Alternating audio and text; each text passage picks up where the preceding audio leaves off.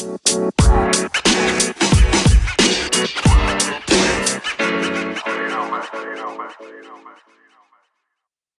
lo masih dengar lagi podcast Kepo Kepo Kepo episode ke-43. Ini di seberang sana ada temen gue yang gue bilang kalau lihat IG itu sangat stylish banget. Ada Indira Natasha atau Nat. Halo Nat. Hai. Lu tuh Iya. sebenarnya tuh dibilangnya fashion stylist apa fashion designer sih? Sebenarnya tuh gue emang kerjanya tuh sebagai stylist, jadi bukan desainer gitu. Hmm. Beda- bedanya apa tuh antara fashion eh, designer dan fashion stylist tuh? Nah, jadi emang sih sebenarnya pas gue kuliah itu lebih ke desainer, jadi desainer kan. Hmm, hmm. Cuman pada kenyataannya tuh gue leb- emang juga suka dunia styling. Jadi kalau misalnya styling itu kita lebih kayak apa ya? Mungkin kalau lo lihat di majalah tuh kita yang ngurusin kayak pemilihan bajunya, Iya. mulai dari kayak mix and match, Hmm. mix and match em, pakaiannya kayak gitu. Terus lebih mikirin untuk konsep photoshoot. Hmm. Sedangkan kalau desainer kita yang ngedesain baju, yang bikin baju gitu. Oh, oke, iya iya, iya. Keli- kelihatan banget sih bedanya sih kelihatan sih. Enggak kan? Iya iya. Tapi kalau sorry kalau kalau mau flashback, lu awal cerita awal mulanya bisa tertarik fashion tuh gimana ceritanya tuh? Jadi tuh emang gue dari kecil udah sering baca majalah kan. Majalah, majalah fashion gitu lah dari gue SD gitu. Nah dari situ tuh gue kayak apa sih mulai mulai mulai suka gitu sama fashion. Jadi mulai kayak tertarik dan udah niat pokoknya nanti gue kalau gede harus kerja di dunia fashion. Ya udah akhirnya alhamdulillahnya terjadi. Gitu. Majalah apa tuh yang lo yang pas tuh baca yang bikin lo akhirnya wah gue harus jadi harus masuk Mm-mm. dunia fashion. Majalah apa tuh itu yang lo yang lo baca saat itu? Sebenarnya banyak sih waktu itu gue ada baca kalau zamannya gue ya ini kan udah zaman lama gitu kan dulu tuh kita bacanya gadis Eh, atau zaman kita sama nggak sih Riz? Sama anak Iya, 90-an. iya iya anak 90-an nah di situ gue bacanya gadis terus gue ada juga kan dulu majalah kawanku ya kayak gitu Iya iya gitulah iya. iya. tapi mulai pas udah agak-agak zaman kapan gitu udah mulai agak dewasa eh, agak remaja lebih remaja tuh gue mulai kayak go girl atau girlfriend majalah-majalah yang kayak gitu sih nah gara-gara ngeliatin majalah terus gitu gue jadi kayak awalnya tuh pengen bangetnya kerja di majalah Riz Hmm. Mm-mm, jadi ya udah akhirnya gue kerja deh di majalah pertama kali di dunia fashion tuh di majalah gitu Oh, nah tadi kan lo bilang pas lo SD bacanya kan apa kayak eh, gadis kawanku, terus pas eh, Hmm. SMP apa Google sama girlfriend ya? iya kayak gitu Emang semacam itu ada per- ap- apa? Secara segmentasinya ada perbedaan ya antara gadis kawanku dengan Google gitu ada perbedaan nggak sih? Ada, pasti ada, ada, ada banget perbedaannya. Kayak gimana tuh perbedaannya tuh? Yang waktu itu yang lo lo amatin lah. Mm. Hmm.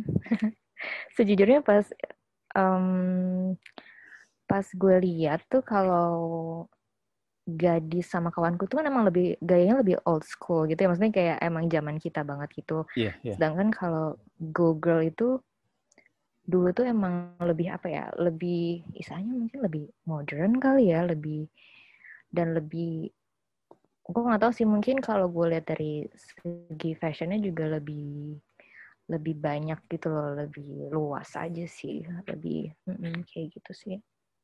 Oh. Tapi, Tapi waktu sebenarnya sama-sama bagus aja sih. Hmm. Tapi waktu itu eh, ini nggak sih kayak lo kayak apa ya kayak waktu lo baca-baca majalah itu dari maksudnya dari SD SMP itu kayak lo nah ini Hmm. nggak sih kayak udah punya pattern wah nih gue suka nih model kayak gini nih model-model baju kayak gini nih Hmm. gitu. Udah udah udah nemu nggak sih waktu itu? Udah, udah nemu. Gue dari dulu udah nemu semenjak gue baca-baca majalah itu. Hmm. Kayak gimana Gitu. tuh? Yang lo apa apa eh, model apa? eh, Yang gue suka. iya ya, style gimana tuh?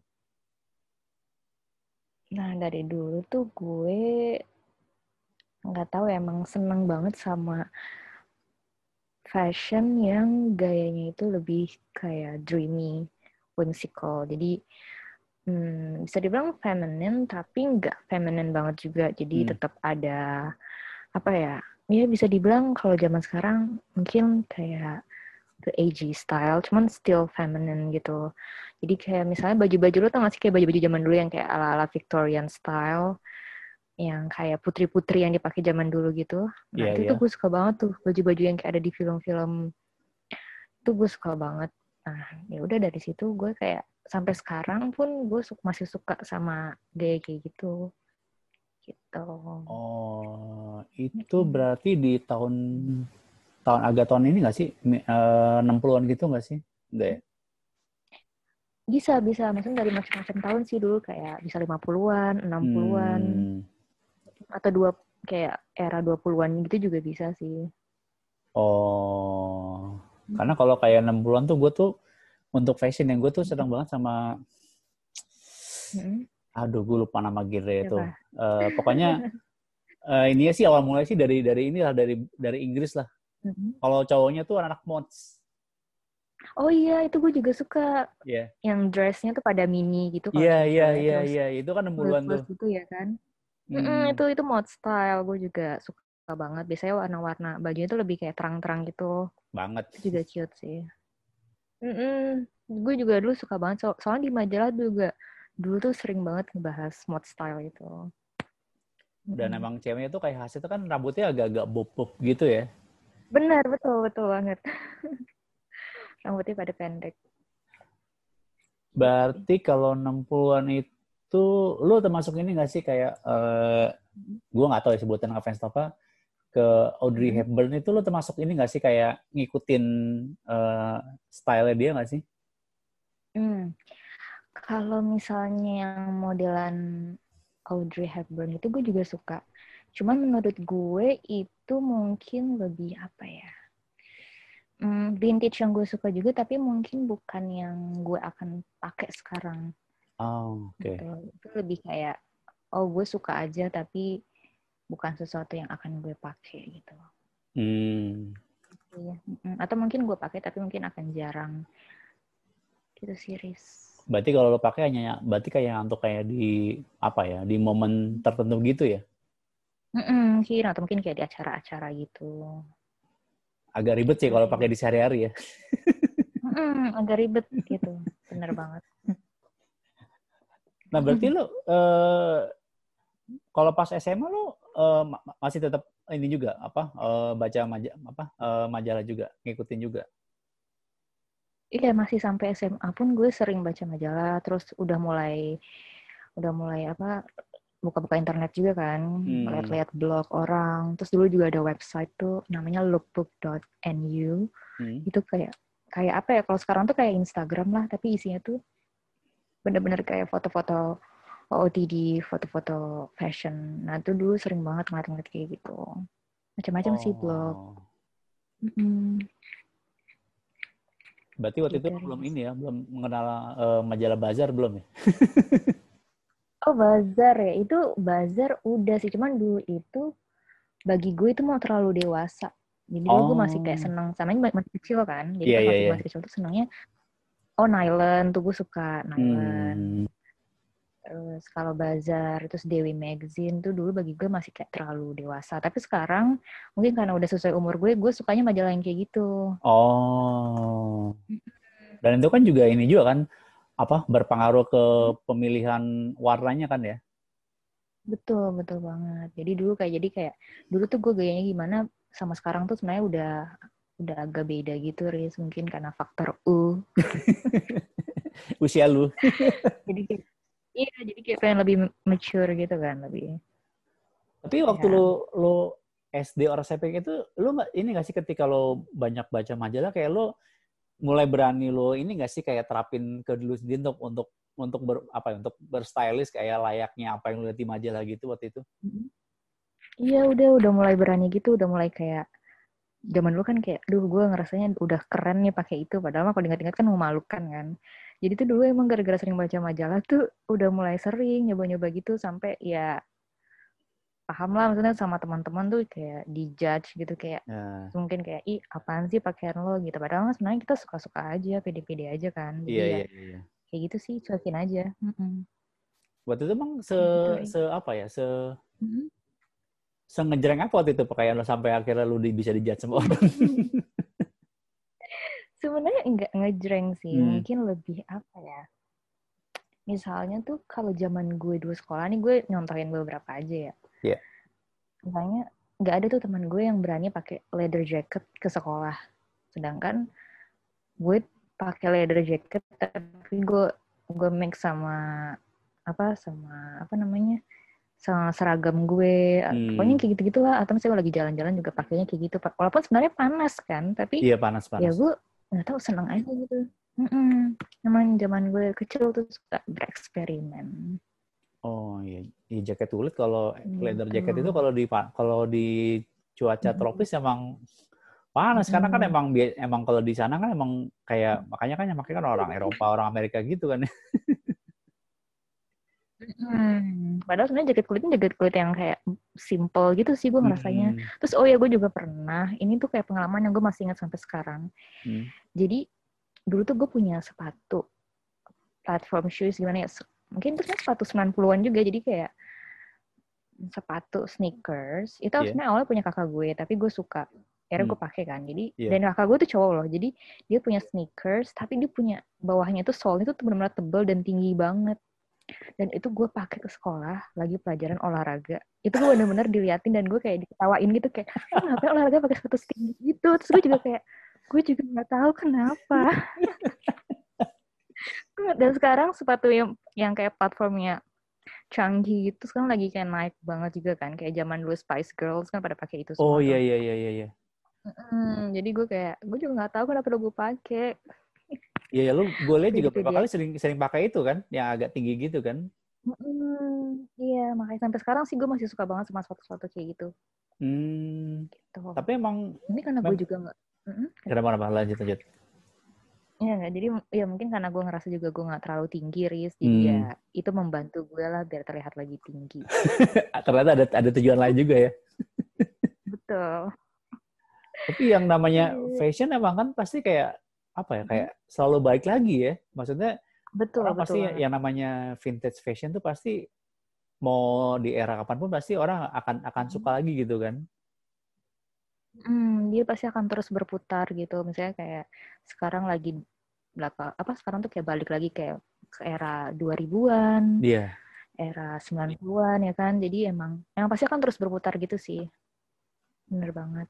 Kalau menurut lo kenapa sih kok bisa apa ya fashion itu bisa kayak bisa muter gitu sih kayak nanti di mungkin di era tahun berapa akan akan mereka akan tahu jadi trennya jadi balik lagi ke misalkan ke 70-an tuh kenapa sih menurut lo bisa bisa muter gitu ya siklusnya?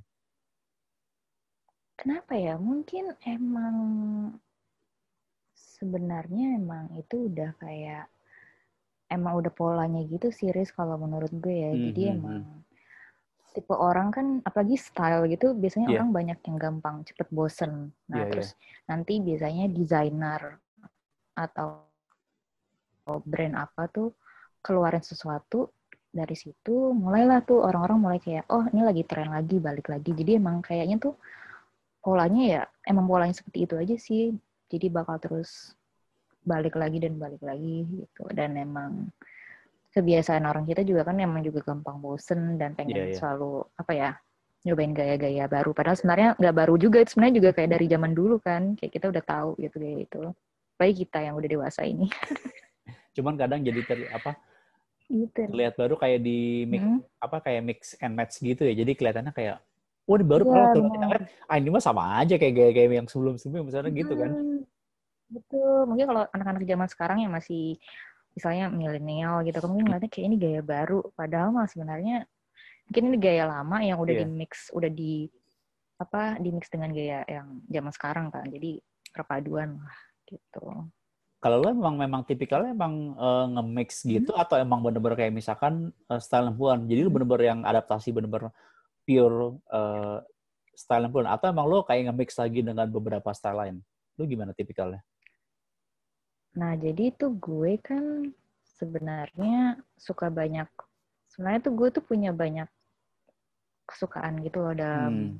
fashion. Jadi gue kalau berpakaian itu sehari-hari juga suka beda-beda. Misalnya hari ini gue lagi pengen kayak gaya-gaya Victorian style. Victorian style sih sebenarnya bukan 60 ya, mungkin lebih agak lebih lama lagi gitu kan. Iya, yeah, iya. Yeah. Misalnya kayak baju-baju dress yang putih, yang ngembang-ngembang gitu, hmm. atau mungkin yang lehernya lehernya apa penuh dengan ruffles, bajunya penuh dengan ruffles. Nah, misalnya di hari di hari itu gue pengen jadi feminine kayak gitu, tapi besoknya gue pengen kayak tampilannya tuh agak gimana ya, agak misterius gitu misalnya kayak nggak tahu mungkin gue nyebutnya good I don't know tapi kayak pengen aja all black gitu jadi hmm.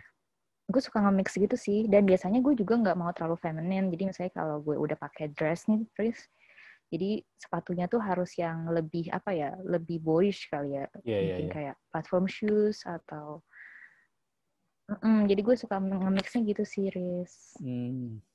Kenapa lo nggak suka yang terlalu suka feminim gitu? tapi nggak mau terlihat terlalu feminin. Nah, kenapa lo? Kenapa nggak nggak mau terlihat uh, lebih feminim?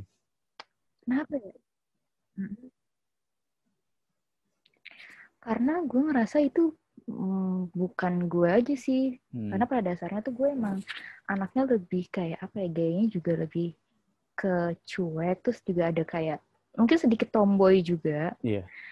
Cuman nggak mau kelihatan tomboy banget gitu. Jadi emang emang gue anaknya campur aduk gitu deh suka mencampur-campurkan gaya gue gitu bingung kan lo iya iya, iya. tapi emang jadinya bagus sih kalau lo iya. punya punya apa lo punya banyak referensi lo campurin mix and match mm -hmm. itu kan malah jadi ntar malah jadi sesuatu yang baru gitu kan Iya, bagusnya itu sih jadi kayak nemu lagi oh gaya ini saya gue lagi pengen tampil yang chic hmm. tapi gue nggak mau terlihat terlalu dewasa jadi gue mix lagi sama gaya gue yang biasanya nih gue mix jadi kayak gitu sih suka yang penting nyaman aja sih dan pede ya intinya, gue ya. intinya nyaman pede gitu. bener-bener itu gue setuju tuh mm. terus kan. walaupun uh, gue kayak jadi kayak punya dua kepribadian beda oh gitu Tergantung lo hmm, pakaian lo, pakaian lo pakai saat itu gitu. Mm -mm, jadi sometimes gue bisa sweet, kadang gue bisa kayak agak mungkin kelihatannya dark gitu. Hmm. Jadi ya sesuai mood aja. Gitu, yeah. Cancer sih ya, sesuai mood ya. Mm. lo paham Riz, cancer tuh sesuai mood. Iya banget banget. Gue juga gitu soalnya. Kalau moodnya males, aduh iya kan? males. Gitu. Tapi kalau misalkan iya, moodnya iya, lagi iya. ngajin, waduh, oh, bisa bisa nonstop ngerjain. Makanya itu itu lo lo relate banget lah sama gue lah. Iya, Kita iya. sama cancer. Tapi kalau tadi flashback lagi waktu itu lo uh, memang hmm. kuliahnya emang ngambil fashion ya? Mm -mm. Di gue ambil fashion waktu itu. Di Jakarta apa fashion. di mana?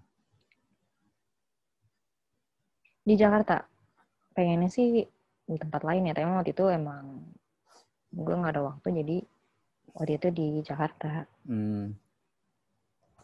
Tapi kalau yang gue bikin penasaran tuh, mm -mm. kalau kuliah fashion tuh belajarnya apa aja sih? Mm. Karena nggak pada tahu. Oh, belajarnya apa aja? Uh, belajar apa aja okay. sih? Oke. Jadi tuh sebenarnya kan um, kalau yang zaman gue dulu hmm? itu kan emang gue ambilnya fashion design kan fashion okay. tuh macam-macam ya ada yeah. ada orang yang ngambil fashion marketing atau fashion sekarang fashion, sekarang ada juga tuh sekolah untuk jadi fashion stylist juga ada. Hmm. Nah cuman kalau dulu tuh gue ngambilnya fashion design. Nah kalau desain itu emang kita diajarkan untuk bisa jadi desainer. Nah jadi kalau dulu tuh kita belajarnya ngedesain gambar baju-baju gitu. Gambar terus sketch juga ya? kita harus bisa juga tuh kalau zaman gue uh, gambar sketch gitu. Hmm. Terus harus bisa namanya juga bikin baju benar-benar dari nol. Jadi kayak kita harus bikin polanya kayak gimana terus juga kita juga belajar jahit juga harus bisa kayak gitu terus juga ada juga sih perintilan lain kayak bisnis Hmm. terus eh ya tekstil yang semacam ya seputar-seputar fashion juga sih kayak gitu, Oh, Riz. berarti juga apa termasuk Cuman juga Mm-mm. kayak ini juga ya pemilihan bahan kain juga itu juga lo belajar juga ya. Mm-mm. Itu belajar juga jadi itu benar ngebantu banget ketika gue misalnya sekarang gue Hmm. gue pengen bikin baju nih misalnya kan gue suka juga tuh kayak custom bikin baju ke tukang jahit gitu-gitu kan atau ya sesekali gue juga pernah lah bikin baju sendiri karena gue Hmm. kan pernah belajar Hmm. walaupun emang gak jago-jago banget sih cuman gue jadi kayak tahu karena gue tahu basic-basicnya dari sekolah itu gue jadi tahu misalnya kayak pakai bahan apa yang bagus terus hmm, jadi nggak di dibodoh-bodohin sama sama orang lain gitu karena kita kan punya punya punya ilmunya gitu Riz. enaknya di situ Oh. sih Jadi bis- bisa dibilang kayak ketika lo Mhm. kuliah ambil apa, apa apa namanya ambil kuliah fashion ya belajar jadi tukang jahit juga ya. betul betul betul banget nah cuman emang gue baru sadar pas gue lulus kayaknya emang passion gue tuh bukan dibikin baju bukan dijahit gitu tapi passion gue tuh lebih ke desain jadi gue lebih suka ngegambar gitu Riz kayak bikin sketch gitu gitu terus nyari inspirasi fashionnya di mana gue kan suka suka banget tuh cari-cari info tentang fashion di Oh iya website iya iya. atau di majalah gitu-gitu kan. Nah setelah gue Mhm. sadari, gue nggak nggak punya kesabaran untuk bisa bikin baju. Kalau bikin baju itu kan harus sabar banget tuh, harus yang kayak lo harus benar detail. Oh Sedangkan iya gue kayak gue nggak punya, iya gue nggak punya kesabaran buat itu dan gue lebih suka di desain itu sih bikin bikin desain baju sama cari-cari inspirasinya kayak gitu sih Riz. Karena kan kalau kayak Iya. jahit itu kan lo ini ya apa bener-bener mengolah Hmm. dari cuman gelondongan kain jadi sebuah ya outfit lah Mm. gitu kan. Belum Iya. belum belum lo harus menyesuaikan Dan dengan menurut- si apa namanya ukuran si ininya ya si pemakainya gitu kan. Iya betul dan itu ribet banget sih Riz. Dan kalau menurut gue kalau zaman sekarang kalau lo menjadi desainer bukan berarti lo harus bisa jahit juga. Kalau menurut gue sih kayak gitu. At least lo tahu.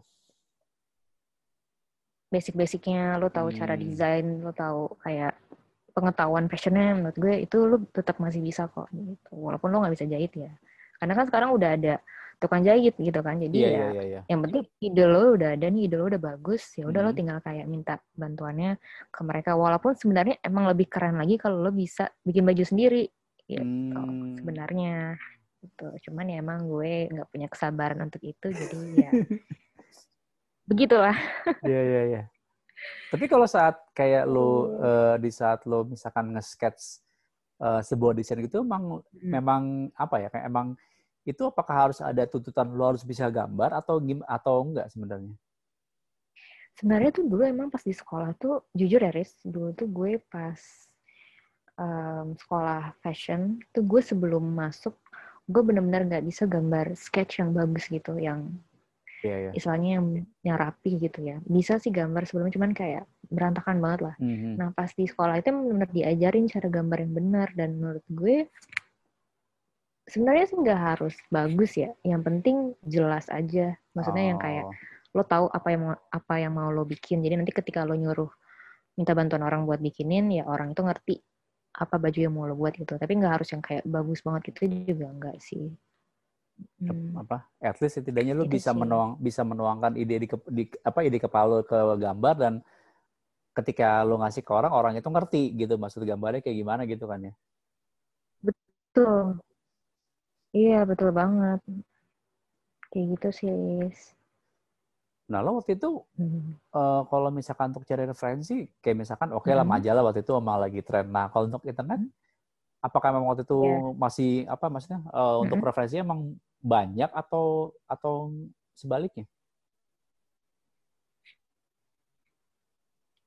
Pas kapan nih? Pas waktu lu eh, ya zaman zaman kuliah lah, Pas kuliah apa? Hmm. pas kuliah pas kuliah. Oh, pas kuliah itu pasti udah mulai udah banyak nyari di internet sih, karena Mhm. kan udah lebih apa lebih gampang juga kan dari internet.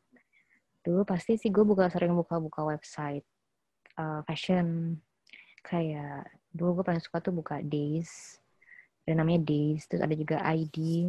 Hmm. Hmm, iya itu sih seputar itu ID. Terus juga dulu ada juga tuh kalau zaman gue muda namanya rookie rookie Mac tapi sekarang udah nggak ada dan itu juga salah satu inspirasi gue juga karena dia ngeluarin buku juga dan itu juga tentang fashion juga sebenarnya nggak tentang fashion banget sih hmm. cuman ada ngebahas fashion si rookie ini jadi ya udah ngambil-ngambil dari internet juga sih sama gitu oh tapi kalau masih misalkan hmm. masa kaitan dengan dengan uh, fashion designer lu tuh hmm. lu dulu ini gak sih kayak uh, apa kalau gue pribadi ya gue tuh kalau untuk kayak komposisi warna tuh kayak apa ya kayak kadang tuh suka bingung gitu kalau lu lu sempat ngalamin hmm. kebingungan gak sih kayak waktu menentukan komposisi warna misalkan gue lu mau pakai tiga warna ini kira-kira warna apa aja dan kira-kira antara warna satu dan warna lain ini hmm. bisa bisa masuk nggak ya bisa match kayak ya gitu lu dulu sempat kayak gitu nggak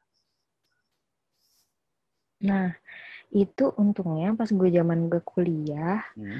gue tuh sempat diajarin tuh namanya ada teori warna gitu jadi yeah. kayak kita tahu misalnya warna ini bagus sama ini, warna ini bagus sama ini gitu kan. Nah, hmm.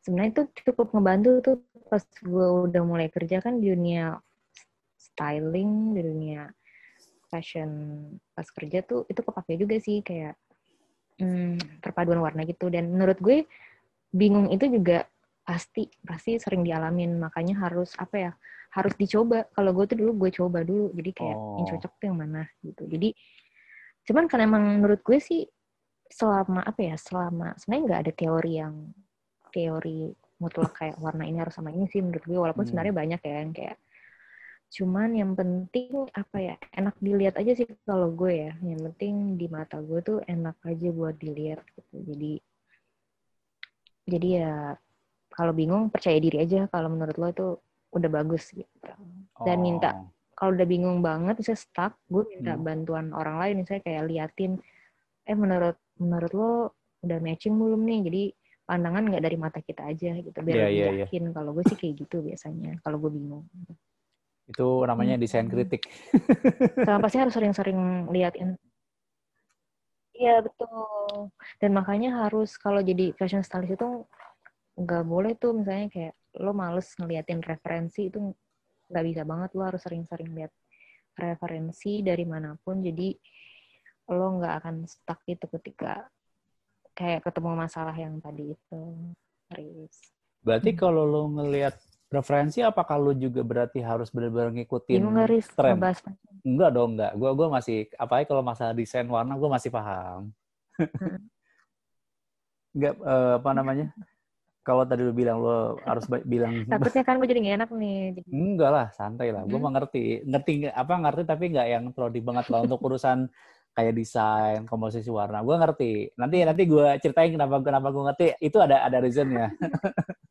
Oke, okay, siap siap. Nah, tadi kan lu bilang kan uh, apa uh, harus banyak referensi. Itu berarti kayak lu ini gak sih kayak mau nggak mau kayak harus ngeliat dan ngikutin tren uh, fashion saat itu nggak sih? Kayak itu kayak mau nggak mau gitu loh. Kayak itu udah sepaket nggak sih? Atau sebenarnya udah gue udah punya pattern apa? Udah punya tren sendiri. Ya udah gue gue ngikutin tren yang emang gue mau aja gitu atau gimana?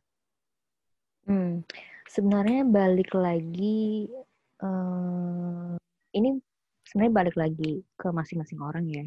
Yeah. Kalau menurut gue, kalau kerja misalnya kita kerja di dunia fashion gitu, pasti kalau misalnya kita kerjanya sama orang lain nih, Riz, pasti yeah. kita itu harus lah, maksudnya kayak kita tuh tetap tahu misalnya tren yang terbaru gitu. Yeah. Cuman kalau emang kita tipe orang yang idealis banget, terus hmm. kita mungkin itu punya misalnya kita ngurusin brand kita sendiri bukan brand orang lain hmm. ya menurut gue bebas mau lo ngikutin tren atau enggak itu bebas cuman hmm. kalau kita udah mulai kerja buat orang lain gitu menurut gue tren itu juga terpenting yang harus apa ya ya lo harus aware gitu kalau buat gue sendiri sih kalau misalnya untuk gue gaya gue sehari-hari gue nggak bohong kalau tetap pasti gue masih apa ya masih melihat sekarang tuh trennya apa pasti yeah. gue tetap kayak ikutin cuman balik lagi gue sesuaiin sama emang gaya gue yang gaya gue yang sebenarnya gitu. Jadi nggak benar-benar kayak apa yang lagi tren sekarang tuh semua gue ikutin nggak. Jadi harus difilter lagi sih yang mana emang cocok. Kalau gue sih kayak gitu biasanya. Oh tapi kalau misalkan hmm. disuruh milih lo tuh lebih milih ngikutin tren atau lo lebih ngikutin ego lo aja sebenarnya? Sebenarnya gue lebih ngikutin ego gue sih. Sebenarnya gue anaknya cukup idealis sih Riz. Hmm. cukup idealis. Jadi ya kadang gue kalau misalnya ngeliat misalnya apa nih yang lagi tren tas atau baju gitu Hmm. sometimes gue emang kayak terpengaruh tapi sometimes gue juga kayak ah menurut gue itu nggak maksudnya ya biasa aja gitu tapi gue juga sering di posisi itu kayak gitu serius Iya, iya. Tapi kalau era kuliah tuh gue jadi inget gini sih, apa namanya? Dulu tuh Hmm. waktu, eh lo tau band The Upstairs gak sih? Eh gila itu zaman kita dulu banget ya sih zaman Iya. fancy Itu itu tuh, Good Night Electric iya enggak. Kalau Upstairs tuh gue tuh sampai Iya. bela-belain ke Poncol loh nyari nyari baju yang aneh-aneh dan gue dapet. bajunya ya loh. Iya, gue tuh dulu tuh, wah itu emang ngaco sih itu itu band sih bener-bener ngasih bener-bener gila keren banget dan akhirnya gue dulu sampai beli celana kuning sampai gue punya Iya, kaos dia tuh- polkadot Mm-mm, gayanya emang lebih yang kayak warna-warni gitu kan nabrak itu itu nabrak banget sih. Kalau lo berani gaya, kayak gaya di upstairs itu itu gokil sih. Karena dulu zaman gue gue nggak seberani itu. Dulu gue berani loh. Sampai gue dulu inget banget eh, di salah Iya, satu pensi si Dapser main gue pakai celana kuning bener-bener celana kuning. Celana kuning dengan itu pas kapan Rizal pas pensi? Pensi pensi di ada Heeh. SMA di Jakarta Barat kalau nggak salah karena kan itu itu, jadi kapan Riz itu aduh gue lupa tahun berapa itu udah lama banget pasti lah Jangan gue belum lahir. Enggak, lu, lu, lu udah lahir lu. Tapi lu ini gak sih kalau dari dari cerita gue lu sempat ini gak sih kayak apa eh, hunting-hunting kayak baju-baju pre-love gitu yang emang secara secara entah secara eh, style-nya Mhm. atau secara warnanya tuh keren gitu. Baju-baju pre-love ya. Iya. Em, dulu pernah, pernah. Pasti pasti itu pernah karena emang Hmm. zaman gue zaman gue kapan ya itu kayak gitu ya. Gue lupa kuliah apa SMA udah mulai kayak tahu kan dulu gue juga dengerin kan kan kayak Iya, di iya. upstairs terus juga dulu gue juga suka banget sama white shoes nah Oh, white shoes kan aduh, white shoes lagi. gitu kan Iya iya iya iya. nah terus di majalah pun ditulis di majalah gue ingat banget tuh untuk majalah gadis ini tempat baju vintage seperti eh, white shoes atau di upstairs Dan jadi Hmm. gue gara-gara di majalah itu gue jadi kayak gue harus ke tempat ini yaitu adalah pasar Senen Iya. jadi gue udah merasakan kalau poncol dan- lebih gila sih poncol sih. Bar- barangnya lebih gila sih kalau poncol. eh beda ya Riz gue gue kira sama itu Enggak, poncol tuh lu bisa nemuin yang aneh-aneh loh. Itu, itu aja gue Poncol tuh bukannya Senen Iya, jadi kalau poncol itu eh, ini apa eh, seberang setelahnya perlintasan kereta. aduh gue nggak tahu tuh Ada, ada, ada tuh dia agak ke dalam lagi. Dan itu gue pernah waktu itu gue nemuin celana kuning di Heeh. situ. Terus gue pernah nemuin Heeh. kayak baju Porsche tapi kayak motifnya hewan-hewan gitu kayak taman safari gitu. Wah, anjir keren gue ambil. Sumpah itu lucu banget itu lucu itu banget. lucu banget sih pasti Asli, asli itu. dan pasti murah di kantong gak sih Murah banget. harganya. Murah. parah sih parah Dulu berapa? Sepuluh ribuan kali. seribu Seri- sepuluh ribu Ka- Kalau nggak salah sepuluh ribu, dua puluh ribu gitu. Tapi kalau emang kalau di Senen tuh emang Hmm. kayak camp, lu mesti kayak ngumpuk-ngumpuk di Mm-mm. magernya tuh itu sih kayak lo harus rela cari-cari panas-panasan Iya, gitu. tapi iya. seru sih Seru-seru yang bikin itu. seru itu karena apa namanya lo jadi bisa punya baju yang istilahnya istilahnya nggak banyak orang yang pakai kan Iya, jadi benar-benar. benar. kadang-kadang baju baju Mm, banyak juga baju pre-love atau baju vintage jadi ya serunya di situ sih gitu Orang waktu itu gue pernah saking badannya tuh waktu itu kalau nggak salah upstairs tuh manggung di Buar Bulungan ya. Gue ini pakai blazer nyokap gue. ya sama blazer nyokap blazer orang tua tuh emang the best Iya, sih. terus itu. pas lo nonton ya kan pas lo nonton itu banyak gak sih yang berpakaian sama kayak lo gitu Ada beberapa, ada beberapa. Kalau dulu tuh bener-bener kalau dulu kalau waktu era kita itu bener-bener niat banget bener-bener yang pakai celana Bener. warna-warni lah. Beneran tuh. Iya, gue pernah nemenin teman gue sih pas lagi nonton apa ya kalau nggak salah. Kalau nggak salah di upstairs juga sih. Eh. Terus dia pakai pakaian warna-warni juga, tapi gue nya nggak berani gitu. Gue cuman kayak Hmm. pakai pakaian style gue aja gitu kan. Cuman menurut gue itu keren sih maksudnya. Keren Karena- banget. Karena kalau di pensi tuh lu bener-bener kayak diciri banget, wah ini upstairs udah bahas ini. Karena ya nggak ada lagi yang emang yang emang style kayak gitu. Mm-mm. Cuman kadang ada juga yang jadinya apa ya? Jadinya tuh jadinya kalau bahasa gue tuh jadinya alay gitu loh kayak aneh gitu loh. Lu, lu berusaha mau all out tapi kayak kok Nora ya, nggak yang nggak yang beda gitu Oh, loh. Nora gitu. Iya. Iya. Yang penting pede, yang penting pede. Dulu sih karena pede pede. Dulu malah kelihatan keren kalau sekarang nggak mau deh gue malu gue. Iya ya, gue juga suka kayak gitu kalau ngeliat kayak, oh zaman dulu gue gitu banget ya, gitu. Hmm. Ya Era-era masa muda itu. Mm-mm, pengalaman ya ada cerita seru yang bisa di share. Iya iya. Tapi emang emang ya band-band ini itu emang mereka emang kalau udah urusan emang apa ya ya entah White Shoes atau Upstairs emang atau ya dua band itulah kalau emang udah urusan fashion mereka emang emang totalitas banget ya.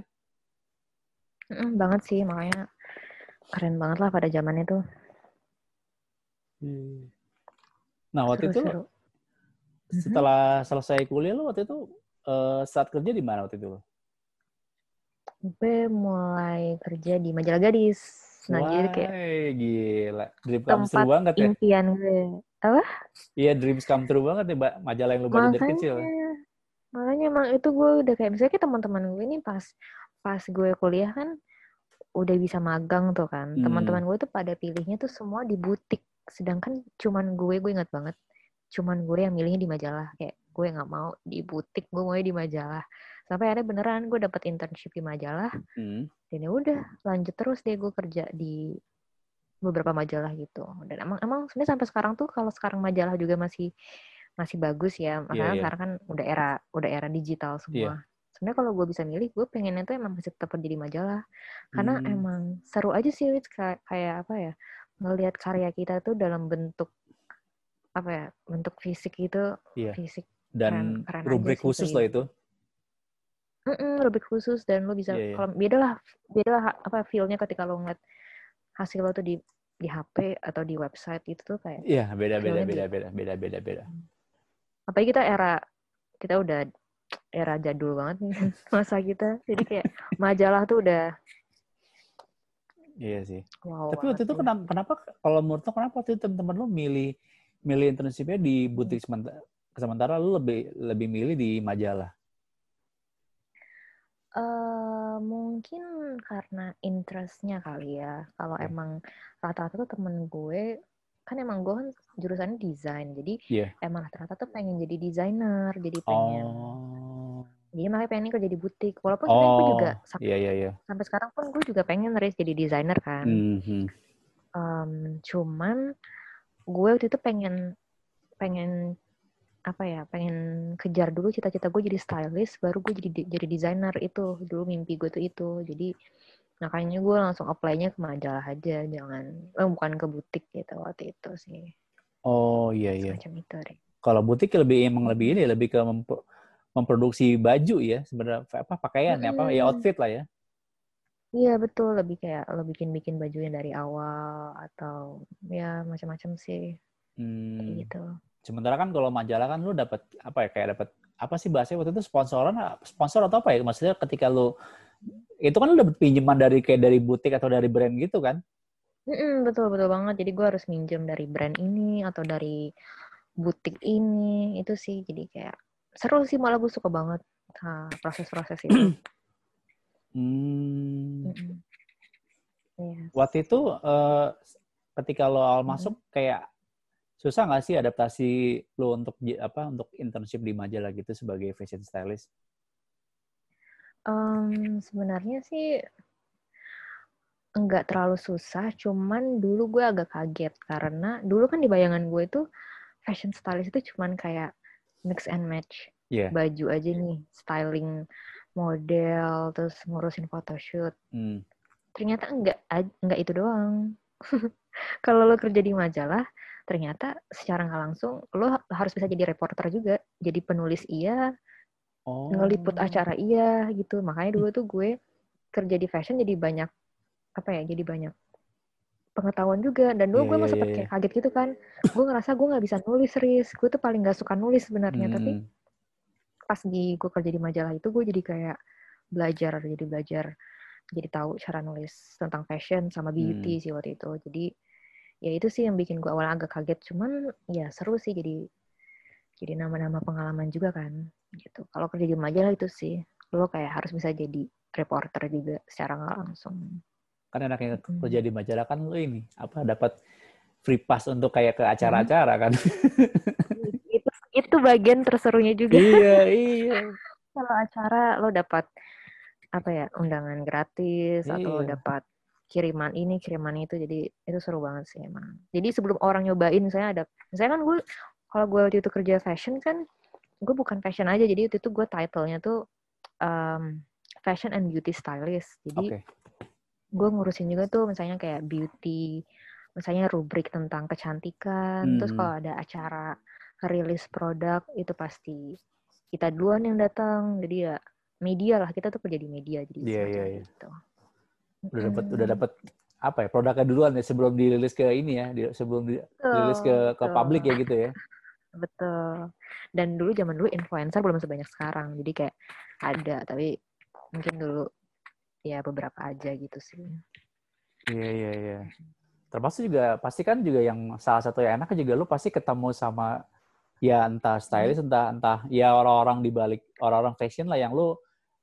lu bisa ketemu dia karena lu sebagai sebagai reporter bukan sebagai orang biasa Iya, serunya itu sih. Jadi bisa kayak banyak apa ya, banyak koneksi juga dari dari situ, dari dulu kita nyebutnya liputan, liputan. iya liputan.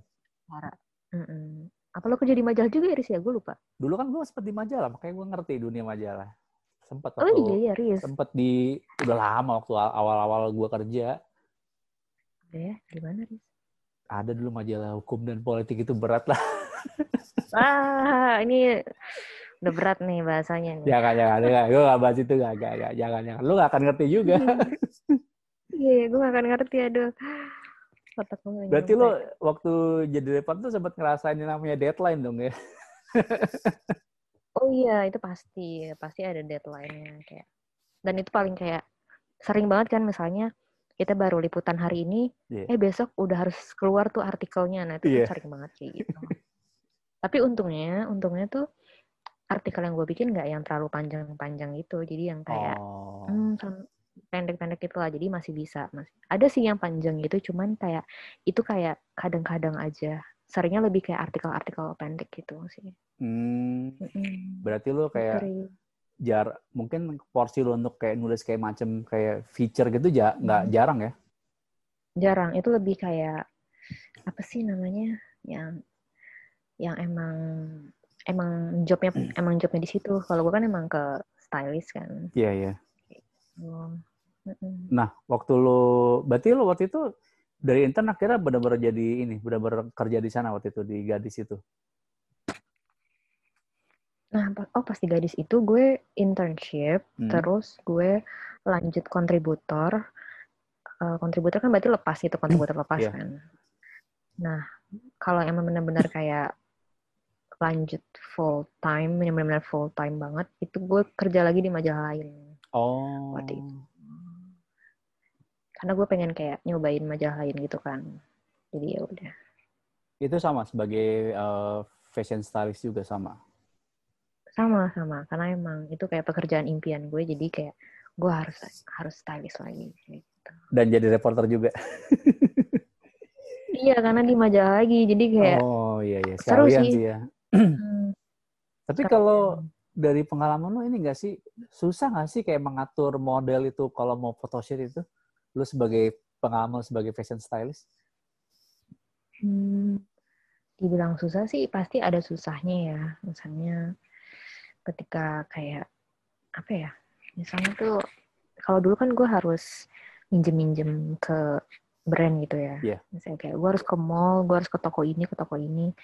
Nah itu tuh ribetnya kita itu kalau misalnya di setiap brand nggak bisa minjem banyak-banyak. Misalnya kayak satu brand nih cuma boleh beberapa baju Hmm. Nah dari jadi ba- baju-baju yang terbatas itu ya udah itu yang harus kayak istilahnya bisa di mix untuk konsep photoshoot kita gitu sih. Paling kesusahannya itu aja sih. Sama paling eh, model juga sih model misalnya karakter model juga challenging juga sih supaya kita Hmm. bisa nge-stylingnya dengan bagus karena jujur kan nggak semua orang bisa pakai baju ada tertentu lah ya misalnya kayak Iya, gue iya. juga nggak cocok baju ini atau apa nah itu tuh kalau menurut gue stylist yang hebat itu adalah stylist yang bisa apa ya ya lo bisa nge-styling semua orang dengan baik gitu dengan baju apa pun itu dan menurut gue itu termasuk susah sih gitu. Oh. Mm-mm, Tapi kalau kayak sebelum sebelum kayak eh, lo Hmm. misalkan apa ya kayak men-styling si model ini si model ini kayak lo ada ini nggak sih kayak ada briefing atau kayak ada chat-chat dulu dengan si Hmm. model kayak gue pengen maksudnya kayak bener kondisi yang modelnya memang lo belum pernah ketemu sama sekali nggak kenal sama sekali dan lo harus Mm-mm. kayak harus men-stylish dia kayak lo ada obrolan gitu nggak sih sama si model ini sebelum sebelum mulai photoshoot gitu supaya oh gue tahu nih karakter karakter dia gini berarti gue ntar pakai pakainya kayaknya kayak gini gini kayak gitu Hmm.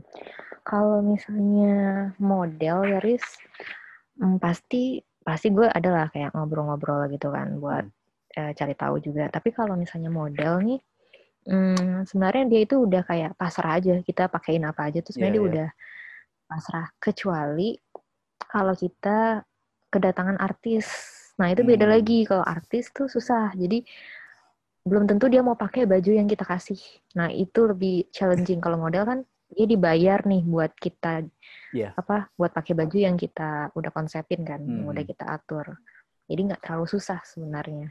Tapi kalau artis nih yang kayak bisa jadi ini nggak sesuai style, jadi kayak ah gue nggak mau nih pakai ini atau kayak ya gitulah banyak banyak pilih-pilih gitu. Jadi yang susah itu nge-styling artis. Nah kalau gitu gimana tuh waktu, waktu itu lo ngakalinnya supaya si artisnya mau mau lo atur lah. Hmm, pasti pertama gue udah lihat dulu nih, misalnya gue udah tahu kayak gue cari tahu nih gaya asli dia gimana. Oke. Karena kita kan nggak mungkin kan memaksakan style kita ke artis itu, pasti kan dia udah punya branding atau gaya sendiri kan. Iya iya iya. Jadi pastinya gue cek dulu dia gaya aslinya gimana, baru kita sesuaiin nih sama outfit yang mau kita cari atau yang kita punya kayak gitu sih. Terus pasti kita tanya dulu. Jadi makanya itu kita harus punya banyak eh, baju, kita harus punya banyak Hmm, hmm. misalnya backup backup plan lah ya. Jadi kalau Iya, misalnya dia nggak suka baju ini, dia bisa pilih baju yang lain kayak gitu sih kalau gue. Nah kalau dari pengalaman lu nih ya, tanpa menyebut nama ada nggak artis yang susah banget dicari referensi di- dicari referensi cara cara apa style atau pakaiannya? Sebenarnya dicari referensi nggak susah, tapi ada sih itu satu artis yang agak picky. Jadi pas udah kita pilihin baju nih beberapa nih dia lebih kayak picky gitu terus gue ya udah berusaha sabar aja. Jadi ya udahlah kayak gitu. Nggak banyak sih yang kayak gitu, cuman ada ada. Tanpa menyebut nama. Hmm, iya nggak usah.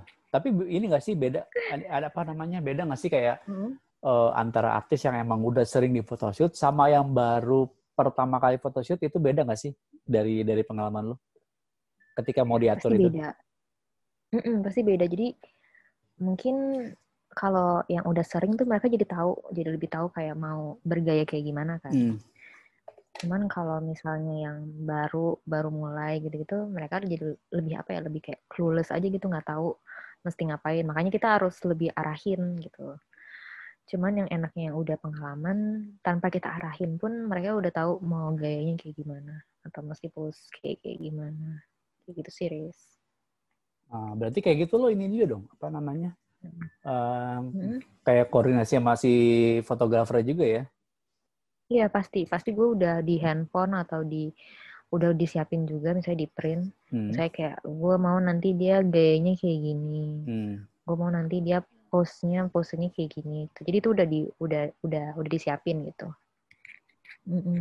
Terus. Dan emang maksudnya emang si fotografer udah udah tahu lah ya apa namanya eh, ketika lo kasih printannya kayak oh udah tahu dia akan ngambil di angle-angle mananya gitu ya.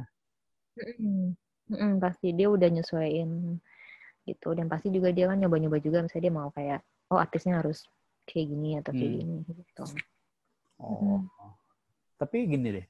eh gue ada temannya dua dua orang dia fashion, eh, dia bisa dibilang fashion stylist lah dan di, di orang dua orang teman gue ini dia sempat eh gue nggak tahu ya apa namanya eh, level waktu itu level pendidikan apa dia sempat ngambil kayak studi di Milan gitu tentang fashion Mm-mm.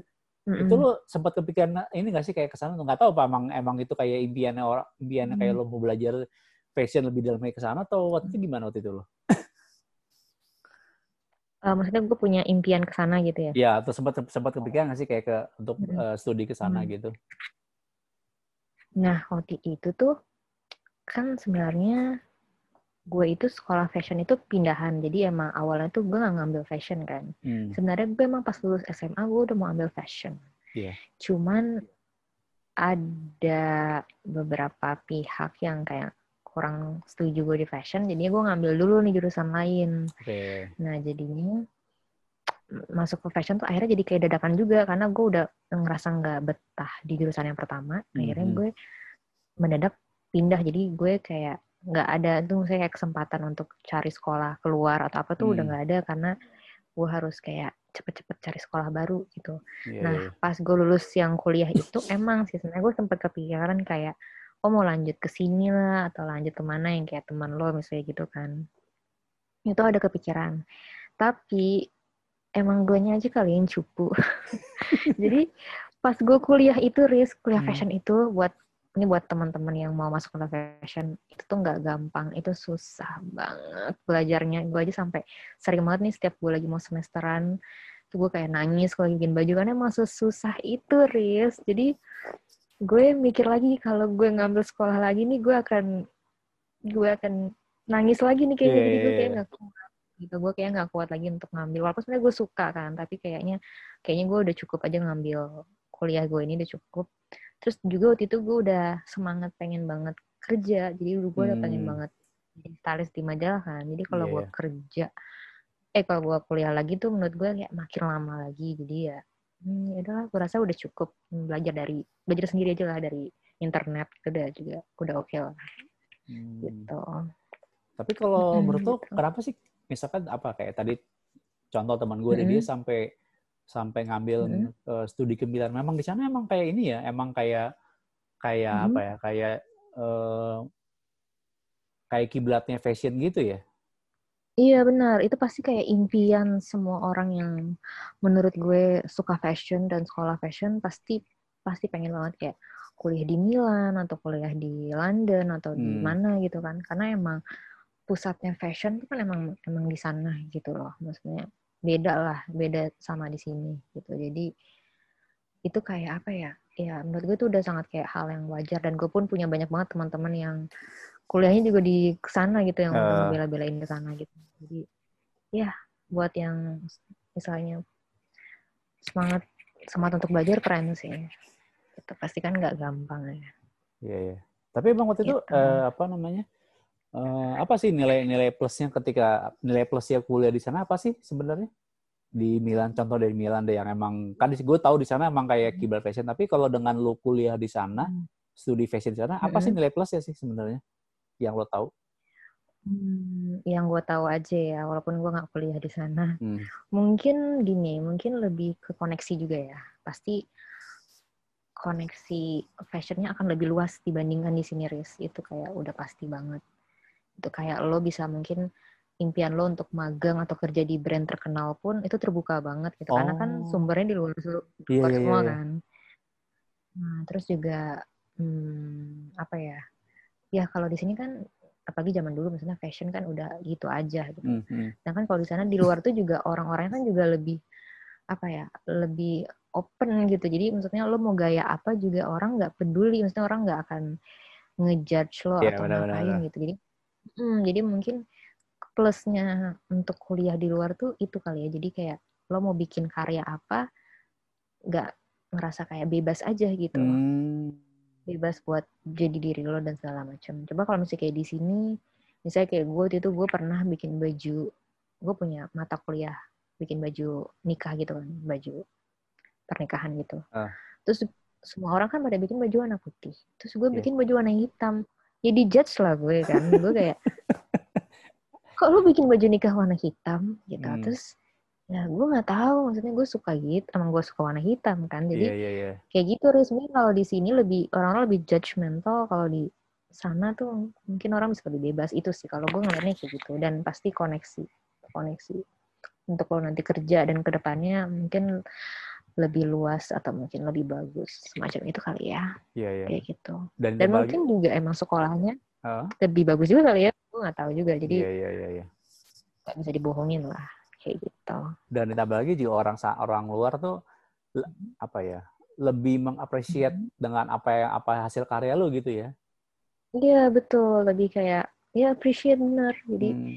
apa yang lo bikin ya lo ngerasa kayak lebih dihargain aja dan itu kan apa ya ya itu lo, lo butuhin ketika lo masih sekolah kan kayak karya lo Iya. dihargain sama orang lain itu sih palingan Iya. Tapi lu termasuk sering gak sih kayak kayak mendapat judgmental kayak contoh tadi Hmm. yang lu bikin dress nih kan Mm-mm. warnanya hitam Mhm. gitu. Maksudnya kayak termasuk sering gak Mhm. sih lo ketika lo apa ya eh, kayak Mm-mm. di luar di luar apa ya di luar kebiasaannya orang-orang sini lah kalau dalam hal fashion lah. Hmm, iya sih, lumayan ada beberapa kayak gitu kalau gue bikin sesuatu yang aneh. Sebenarnya nggak bermaksud untuk kayak pengen tampil beda gitu juga enggak sih, karena nggak, emang karena emang sukanya itu gitu, Iya. karena emang sukanya itu jadi kayak ada aja gitu. Cuman kan gue orangnya kayak nggak pedulian gitu ya, jadi kayak Hmm. ya terserah gue lah tugas-tugas gue gitu kan. Jadi kayak ya udah gue jalanin aja kayak gitu, Hmm. gitu sih. Intinya mah lo Hmm. Tetap ini aja ya, tetap berkarya aja. Hmm, yang penting tetap berkarya, berkarya aja dan gue suka dan yang penting kan kita suka dulu gitu kan. Iya, Kalau iya, iya. misalnya orang suka apa enggak tuh terserah mereka gitu kan. Jadi Mhm. yang penting kita suka dulu, puas dulu sama hasil kita, baru deh. Gitu sih kalau gue Hmm. pas sekolah. Iya, iya. Nah waktu itu lu tadi lu ceritakan lu da- eh, waktu lu intern di Gadis kan lu sempat pindah ya ke satu majalah itu lu berapa lama waktu itu di Hmm. situ? Gimana nih? Di Di ma- majalah lain. majalah yang iya majalah lain itu yang setelah lu intern di Gadis. Itu gue kayak setahunan sih. Setahunan Hmm. karena nggak lama juga gara-gara itu udah mulai itu tuh era-era digital, Riz. Jadi oh, majalah tuh oke. udah mulai goyang. Iya, Jadi iya, gue mau iya. mau nggak mau eh, media gue nih, media gue yang tadi ini jadi berubah digital. Terus gue majalahnya jadi nggak ada dan gue udah mulai nggak betah tuh kan. Gue kayak Hmm. nggak bisa nih karena pekerjaan styling pun udah semakin hilang. Lama-lama gue bener-bener cuma jadi writer aja, jadi reporter dan Oh. gue nggak suka gitu. Jadi gue memilih untuk udahlah gue cabut cari kerjaan lain gitu. Hmm. Nah, waktu itu lu pindah ke mana waktu itu? Pas lepas dari majalah itu. Iya, dari majalah itu. Gue, em, ah ini ini aneh juga nih, ini aneh, pasti lo kaget. Gue kan keluar dari majalah itu karena jadi media digital kan. Iya. Nah, terus pas gue cabut, gue emang pengennya cari lagi jadi stylist. Hmm. Tapi karena ini gue jujur aja, pekerjaan stylist itu lowongannya dikit banget, nggak kayak lo nyari lowongan. Misalnya lo mau jadi accountant gitu, tuh Iya, iya, iya. beda itu kan banyak lowongannya. Kalau stylist itu benar-benar kayak dikit banget gitu. Hmm. Jadi waktu itu gue lagi nyari terus belum dapat akhirnya gue apply apply dulu lah dari apa nih yang gue bisa. Dan waktu itu gue keterima di media bayangin di media digital dan gue nulis fashion. Tapi Riz kenapa gue mau? Karena itu gue kerja dari rumah. Sedangkan kalau yang dulu itu gue harus kayak balik kantor balik kantor dan menurut gue tuh kayak bukan gue gitu loh kayak gue Iya, harus iya. balik kantor untuk ngerjain sesuatu yang gue nggak iya. terlalu suka itu gue nggak bisa sih. jadinya capek nah Hmm. sedangkan yang media digital yang gue akhirnya gue lanjutin ini gue bisa kerja di rumah dan gue lebih bisa kayak fleksibel gitu dan nulis fashion juga masih gue suka kan sebenarnya tentang Iya, fashion iya. walaupun gue emang gak suka terlalu suka nulis cuman ya udah akhirnya gue lanjut ke website itu sih website fashion itu. Sampai sekarang nih. Enggak, itu juga udah kelar terus gue lanjut ke gue lanjut ke e-commerce. Akhirnya gue jadi stylist di e-commerce gitu. Oh, e-commerce yang khusus fashion gitu ya? Mm, khusus fashion.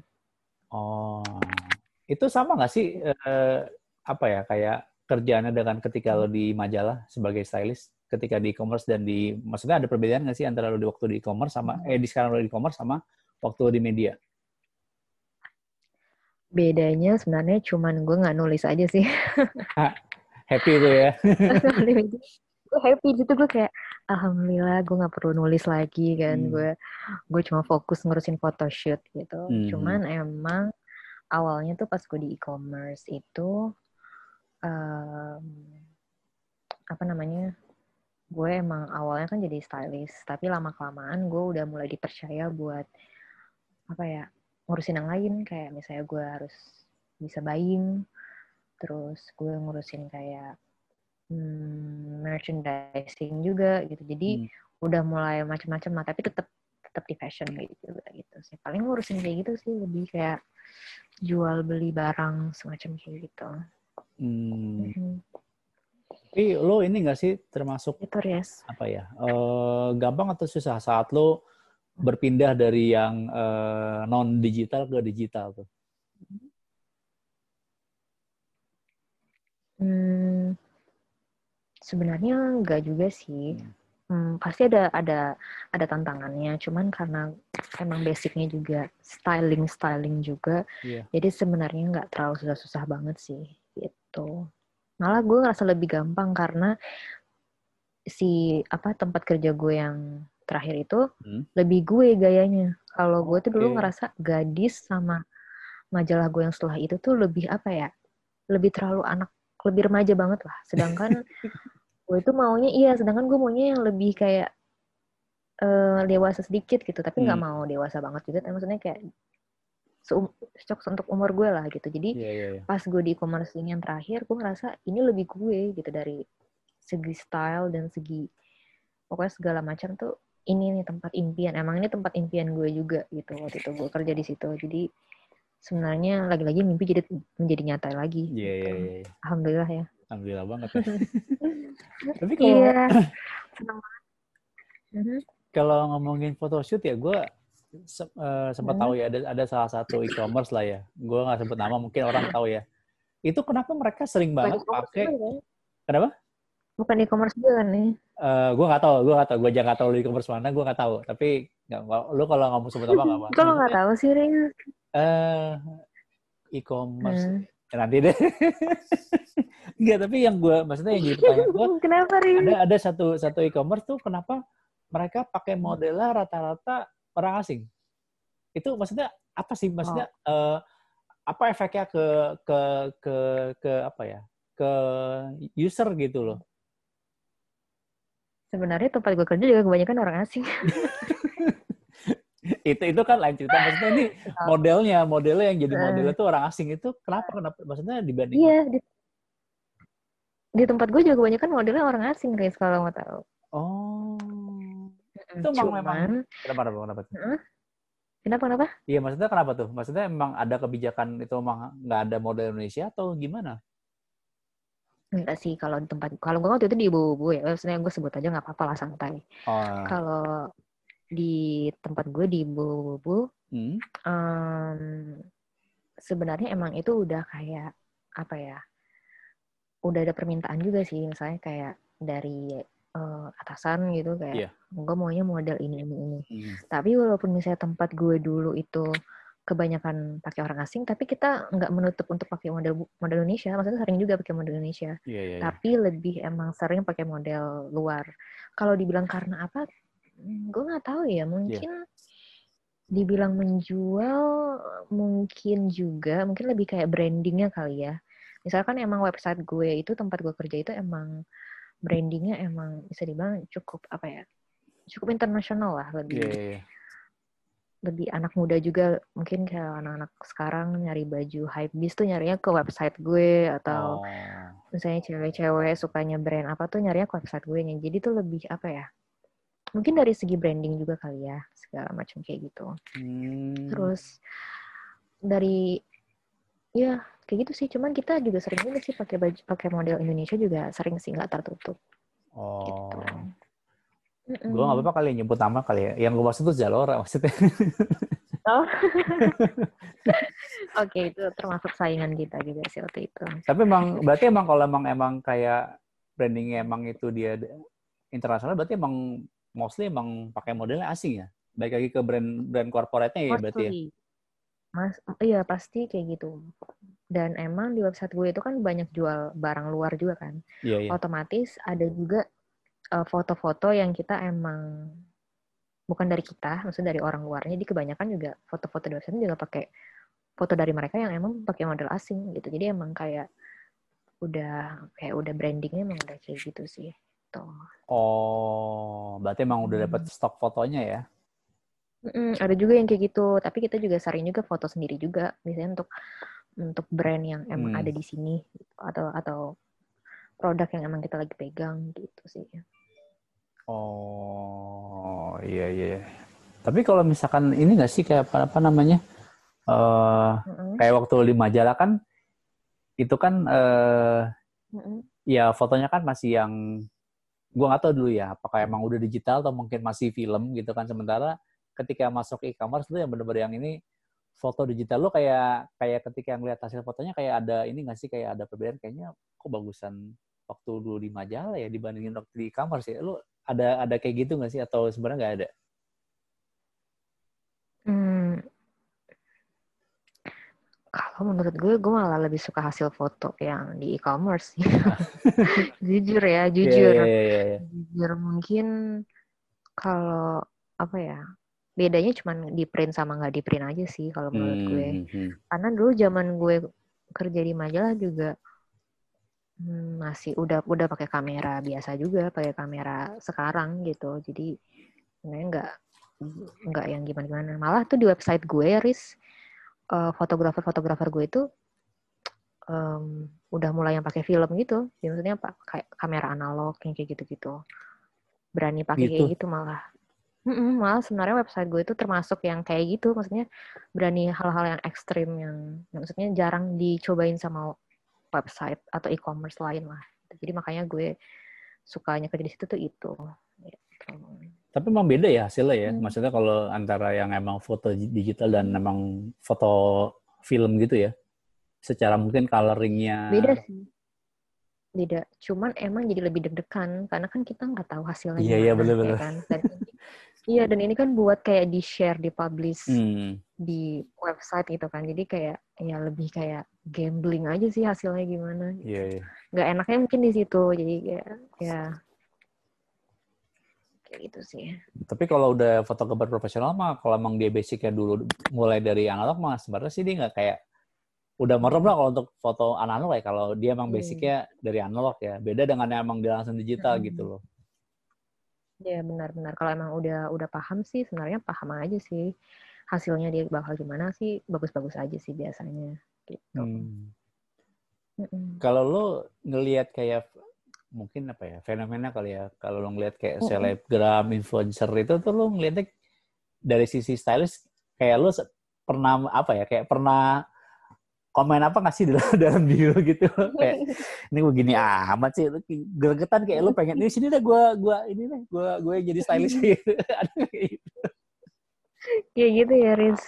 Em, sebenarnya gimana ya? Sebenarnya kan eh apa pandangan keren atau pandangan stylish. Hmm.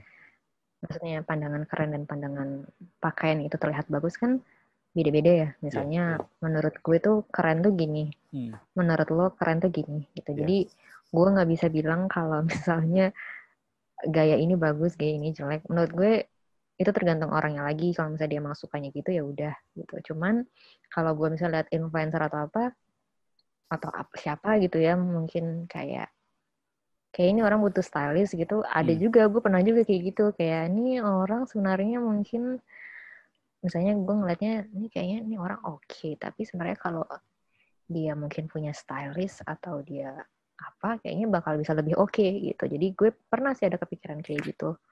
Kepikiran bahkan kepikiran kayak gue pengen apply ini jadi stylist lo gitu Iya, sempet. iya, iya, cuman ya cuman ya balik lagi mungkin mungkin emang dia nyamannya ke- kayak gayanya gitu atau gimana gitu.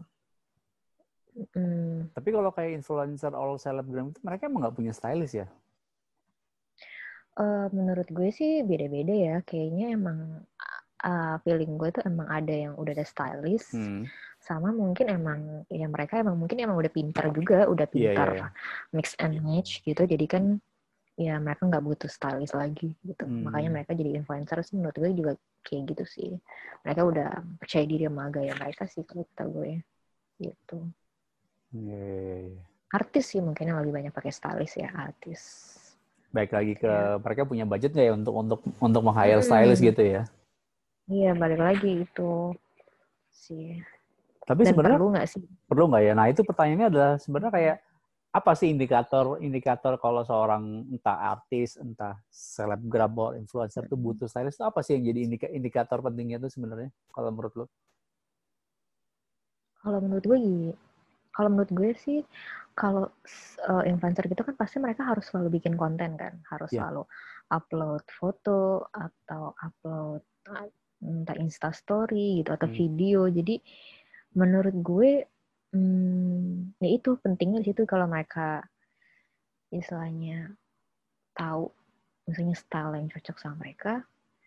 Jadi menurut gue ya sebenarnya ya itu sih tadi penting juga sebenarnya gitu brand, buat branding mereka sendiri sebenarnya kayak gitu Riz. Oh. Gitu. Nah, ini uh, pertanyaan terakhir dari gue nih lu okay. apa sih kayak ada nggak sih kayak tips supaya orang tuh bisa hmm. menemukan style yang pas buat dia tuh kayak gimana? Itu sebagai stylist nih. Oke, okay. tips ya. Hmm. Hmm. Pertama-tama sih kalau kata gue ini basic tapi ini bener banget. Lo harus jadi diri lo sendiri. Maksudnya kayak jangan kalau misalnya lo ngelihat oke okay lah lu terinspirasi gitu ya menurut gue nggak apa-apa. Hmm. tapi lo lihat lagi misalnya diri lo tuh nyamannya pakai baju apa? Yeah. nyamannya pakai baju apa? Terus lo percaya dirinya pakai baju apa? Gitu. Hmm. kalau menurut gue kalau lo ingin menemukan style ya. Terus ketika lo udah tahu apa yang lo suka apa yang lo percaya diri apa yang lo percaya di diri lo bagus gitu ya baru nih lo bisa kayak cari referensi. Misalnya dari entah influencer atau dari website yeah. atau dari majalah. Jadi kayak gitu sih kalau kalau gue sih kayak gitu awalnya. Jadi saya gue udah tahu gue sukanya apa. Atau kalau misalnya lo emang bener-bener nggak tahu nih lo sukanya apa, ya lo langsung aja lihat cari referensinya. Misalnya dari apa yang lo sering buka aja. Misalnya lo suka buka Instagram, ya udah lo cari di Instagram. Lo suka buka website fashion, misalnya Vogue atau apa, lo buka aja gitu. Jadi misalnya lo sering buka Pinterest gitu, cari aja referensi sebanyak mungkin gitu. Jadi pasti lo akan nemu lah misalnya kayak baju apa yang sesuai sama gaya lo atau sesuai sama selera lo gitu sih kalau menurut gue. Balik lagi lo harus ya harus ngikutin sama diri lo sih karena percuma kalau misalnya nih lo milih baju tapi karena pengen terlihat bagus aja di depan yeah. orang lain tapi lo nggak nyaman kan menurut gue itu kayak itu malah useless aja sih yang penting kalau lo udah ngerasa pede dan lo percaya diri apa pun yang lo pakai pasti di mata orang lain juga akan bagus-bagus aja sih kalau menurut gue sih gitu hmm. Hmm. sorry gue jadi jadi kepikiran saya pertanyaan lagi sorry sorry tapi nggak apa tanya aja terus tanya terus tapi sorry ya tapi yeah. Iya. uh, ini nggak sih kayak perlu hmm. disesuaikan dengan misalkan si orang ini misalkan hmm. karakter or personality kayak gini berarti dia harusnya cocoknya pakai yang gini itu perlu nggak sih kayak gitu atau nggak per atau itu nggak perlu perlu banget Contohnya gimana nih? Saya personality yang kayak Maksudnya gimana? dia misalkan dia emang orangnya emang apa uh, easy going atau emang, emang dia orangnya extrovert. Mm -hmm. Nah, mungkin kayak mm -hmm. perlu ketika emang karakter gitu kayak mungkin dia perlu menyesuaikan oke okay, dengan dengan karakter gini berarti gue harus pakaiannya mungkin kayak gini kali ya gitu. Hmm. Kalau menurut gue sebenarnya nggak harus ya. Hmm. Sebenarnya nggak harus. Tapi biasanya personality itu atau karakter orang tanpa kita sadari mempengaruhi gaya kita. Yeah. Tuh, misalnya nih, contohnya nih, misalnya kan sejujurnya kan gue orangnya pemalu. Hmm. Orangnya pemalu nih. Gue tahu nih pakaian apa yang gue nggak pede pakai. Yeah. Misalnya, jadi itu mempengaruhi mempengaruhi style gue sebenarnya. Jadi hmm. secara nggak langsung sebenarnya sih gitu, Riz. Tapi hmm. itu nggak harus jadi patokan sih, kalau menurut gue. Cuman ya pasti ada juga sih pengaruhnya itu sih paling menurut gue. Tapi nggak harus misalnya kayak orang ekstrovert pakai pakaian ini atau introvert enggak sih. Itu nggak ada. Gitu. Nggak terpaku dengan dengan pet apa harus karakter karakter gitu ya. Maksudnya selama lo nyaman ya udah gitu kan. Sim, simple yeah. as that aja kan ya. Betul simple. Kayak gitu aja. Itu sih paling oke okay deh. Nat thank you ya udah hmm. mau gue kepoin ya Udah nih ini aja nih Riz, nggak ada yang lain. Udah, jangan lamaan.